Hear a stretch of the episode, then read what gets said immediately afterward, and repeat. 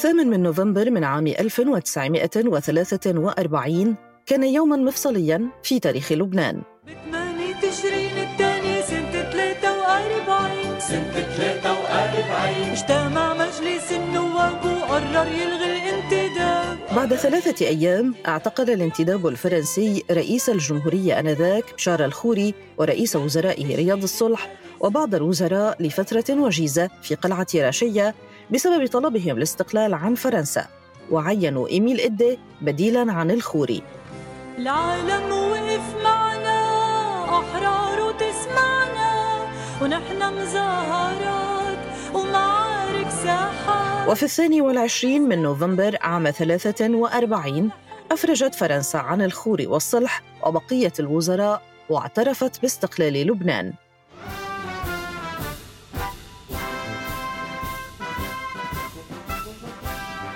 انتخب بشار الخوري رئيسا للجمهورية وكان بذلك أول رئيس للبنان بعد الاستقلال.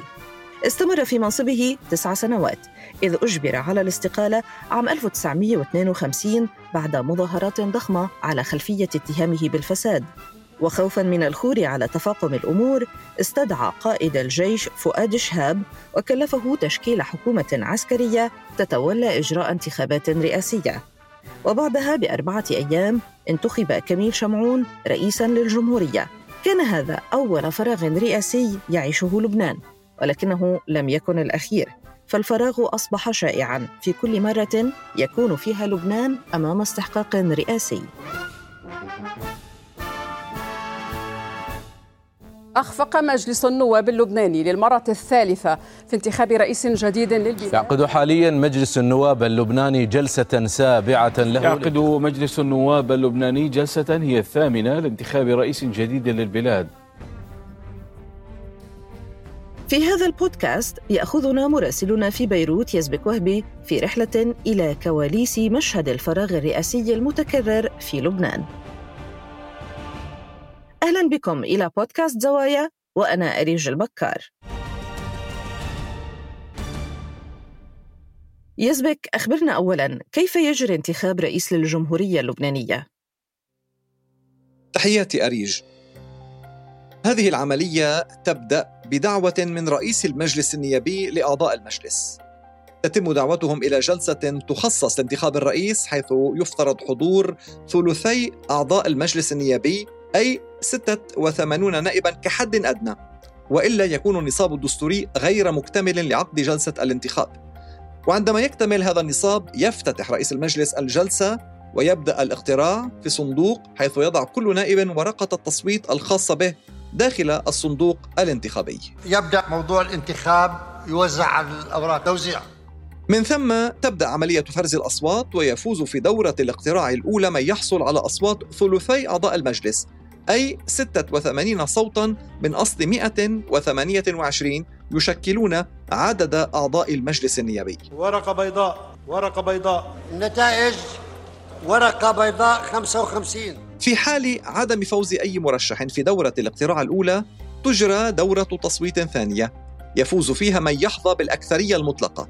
أي نصف أعضاء المجلس النيابي زائدا واحدا وبالتالي العدد هو 64 يشكلون نصف الأعضاء ويحتاج الفائز ل 65 صوتا وما فوق. وهكذا تستمر عمليات الاقتراع إلى أن يتم اختيار الرئيس ب 65 صوتا على الأقل. أما في حال تعذرت كل المحاولات ترفع الجلسة ويحدد رئيس البرلمان موعدا لجلسة أخرى. يجب أن تتبع الآلية نفسها كما في هذه الجلسة. هلا مرة تاني بس حس إنه في أي توافق بعين الجلسة فورا. وإذا لا لكل حادث حديث. عندما ينجح مجلس النواب في انتخاب رئيس يستلم مهامه وتدوم ولاية رئيس الجمهورية في لبنان لست سنوات. وبحسب الدستور لا تجوز إعادة انتخابه إلا بعد مرور ست سنوات أخرى على انتهاء ولايته.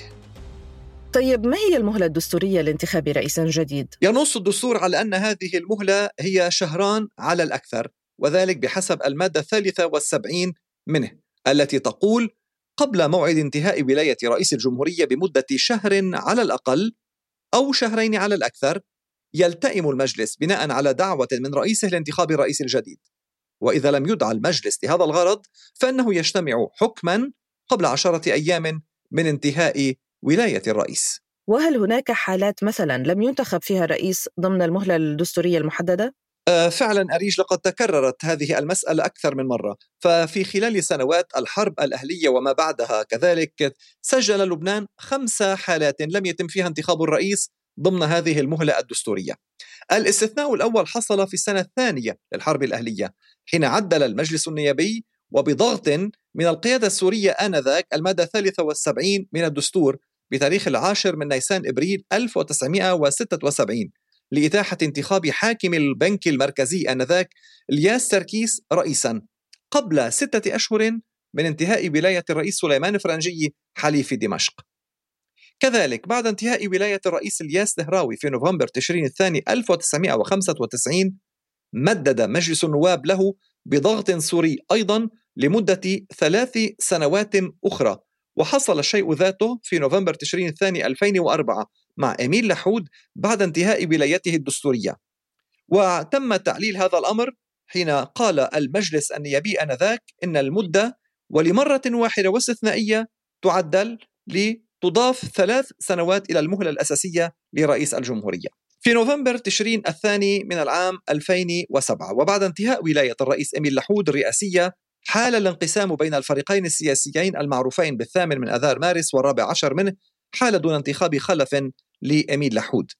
لم تحل أزمة فراغ موقع الرئاسة إلا بعد توقيع الأطراف اللبنانيين على ما عرف آنذاك باتفاق الدوحة في مايو 2008 ما أتاح الفرصة لانتخاب قائد الجيش ميشيل سليمان بعد أربعة أيام على توقيع هذا الاتفاق بعد عودة القيادات السياسية من العاصمة القطرية الدوحة حيث تفاهموا على هذا الانتخاب.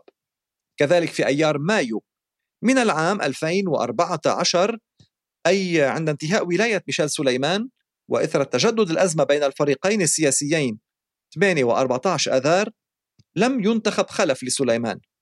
لم تنتهي الأزمة إلا بعد عامين ونصف عندما تخلت قوى الرابع عشر من أذار عن تحفظها على ترشيح العماد ميشيل عون زعيم التيار الوطني الحر حليف حزب الله للرئاسة. وانتخب البرلمان اللبناني في الحادي والثلاثين من أكتوبر تشرين الأول 2016 ميشيل عون رئيسا لست سنوات. واو يعني عامان ونصف العام مرت على لبنان من دون أن يكون لديه رئيس للجمهورية إلى أن تم انتخاب الرئيس عون. طيب في حالة الفراغ الرئاسي هذه من يحكم البلد؟ يزبك؟ نص الدستور أريج على هذه الحالة التي يعني لم تعد استثناء بعد أن أصبحت لأكثر من مرة حيث يتولى مجلس الوزراء بحسب المادة الثانية والستين من الدستور اللبناني هذه يعني آه، مسألة الرئاسة. فيقول الدستور في حال خلو سدة الرئاسة لأي علة كانت تناط صلاحيات رئيس الجمهورية وكالة بمجلس الوزراء. وهنا يجب أن نذكر أريج أن الدستور لم يتناول إشكالية أن الحكومة المستقيلة هي التي تتولى الفراغ الرئاسي وهذه هي حالتنا اليوم في لبنان إذ أن الحكومة هي حكومة مستقيلة. في مثل هكذا حالة يرى الخبراء القانونيون والدستوريون أن استمرار حكومة تصريف الأعمال هو واقع محمي بالدستور الذي ينص صراحة على أنه في حال الشغول في منصب رئاسة الجمهورية فإن الصلاحية تناط. وكالة بمجلس الوزراء سواء كانت حكومة عادية أم حكومة مستقيلة. وما هي صلاحيات رئيس الجمهورية اللبنانية؟ رئيس الجمهورية هو رئيس الدولة ورمز وحدة الوطن. يسهر على احترام الدستور والمحافظة على استقلال لبنان ووحدته وسلامة أراضيه وفقا لأحكام الدستور. هذه الصلاحيات تم تعديلها بعد اتفاق الطائف ولكن قبل اتفاق الطائف الذي وقع في العام 89 منح رئيس الجمهورية إثر استقلال لبنان في العام 43 صلاحيات واسعة. ليمثل المنصب الأبرز في البلاد والأكثر نفوذاً.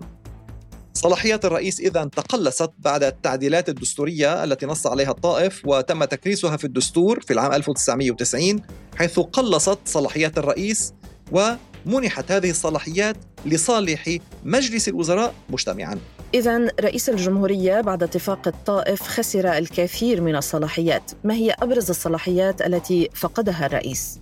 آه، فعلا هناك صلاحيات عديدة فقدها رئيس الجمهورية اللبناني إثر تعديلات اتفاق الطائف. بداية كان يتصدر السلطة الإجرائية التي كان يتولاها بمعاونة الوزراء ولكنها أصبحت منوطة بمجلس الوزراء مجتمعة كان لرئيس الجمهورية ومجلس النواب حق اقتراح القوانين إنما بعد التعديلات أصبح لمجلس النواب ومجلس الوزراء حق اقتراح القوانين. ولكن لا ينشر قانون ما لم يقره المجلس النيابي. كان يحق لرئيس الجمهورية أن يعين الوزراء ويسمي من بينهم رئيسا للحكومة إلا أن التعديلات سحبت منه هذه الصلاحيات وسمحت له بتسمية رئيس الحكومة المكلف بالتشاور مع رئيس مجلس النواب استنادا إلى ما يعرف بالاستشارات النيابية الملزمة والتي يطلعه رسميا على نتائجها. كذلك أصبح على الرئيس أن يصدر بالاتفاق مع رئيس مجلس الوزراء مرسوم تشكيل الحكومة ومراسيم قبول استقالة الوزراء أو إقالتهم إنما بعد موافقة ثلثي أعضاء الحكومة. قبل الطائف كان يحق لرئيس الجمهورية أن يتخذ قرارا معللا بموافقة مجلس الوزراء بحل مجلس النواب قبل انتهاء مهلة المجلس التي تمتد لأربع سنوات لتتقلص هذه الصلاحية ويصبح على رئيس الجمهورية أن يطلب إلى مجلس الوزراء حل مجلس النواب قبل انتهاء عهد النيابة. وكم مرة تولت الحكومة هذه الصلاحيات أو يعني كم مرة عاش لبنان فراغا رئاسيا؟ يعني لأربع مرات أريش آه، عرف لبنان أربع حالات من الفراغ الرئاسي بداية في التاريخ القديم نسبيا بين الثامن عشر من أيلول سبتمبر والثاني والعشرين منه في العام 1952 بعد استقالة الرئيس بشار الخوري وهو أول رئيس بعد الاستقلال. تشكلت حكومة عسكرية برئاسة فؤاد الشاب لأيام قليلة وتولت صلاحيات الرئيس إلى حين تم انتخاب كميل شمعون رئيسا. أما الفراغ الثاني فكان في الثالث والعشرين من أيلول سبتمبر 1988 حتى الخامس من نوفمبر تشرين الثاني 89 بعد انتهاء فترة الرئيس أمين الجميل وبعد تعذر انتخاب خليفة له عرف لبنان انقساما سياسيا أدى إلى قيام حكومتين.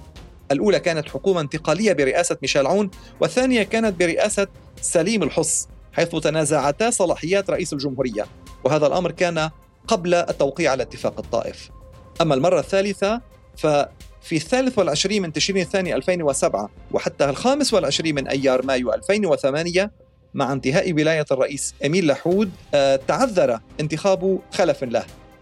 فتولت آنذاك حكومة فؤاد السنيورة صلاحيات رئيس الجمهورية إلى حين تم انتخاب ميشيل سليمان رئيسا إثر اتفاق الدوحة. وبعد انتهاء ولاية سليمان في أيار 2014 دام الشهور الرئاسي كما ذكرنا سالفا سنتين ونصف وهي المدة الأطول حيث تولت حكومة تمام سلام صلاحيات رئيس الجمهورية إلى حين نجح التوافق السياسي بعد مدة طويلة في التفاهم على انتخاب ميشيل عون مع نهاية أكتوبر 2016 طيب يسبك يعني لماذا هذا الفراغ الرئاسي المتكرر؟ ما الذي يؤخر الحسم في الاستحقاق الرئاسي؟ هناك أسباب داخلية وأخرى خارجية أريش طبعا تساهم في تأخير حسم الاستحقاق الرئاسي في لبنان.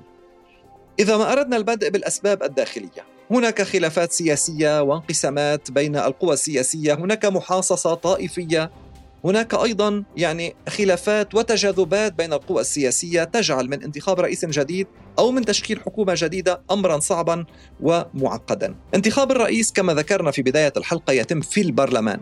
عدد مقاعد البرلمان 128 مقعدا هي تتوزع بالتساوي بين الطوائف المسيحية والإسلامية 64 نائبا للمسلمين و64 نائبا للمسيحيين.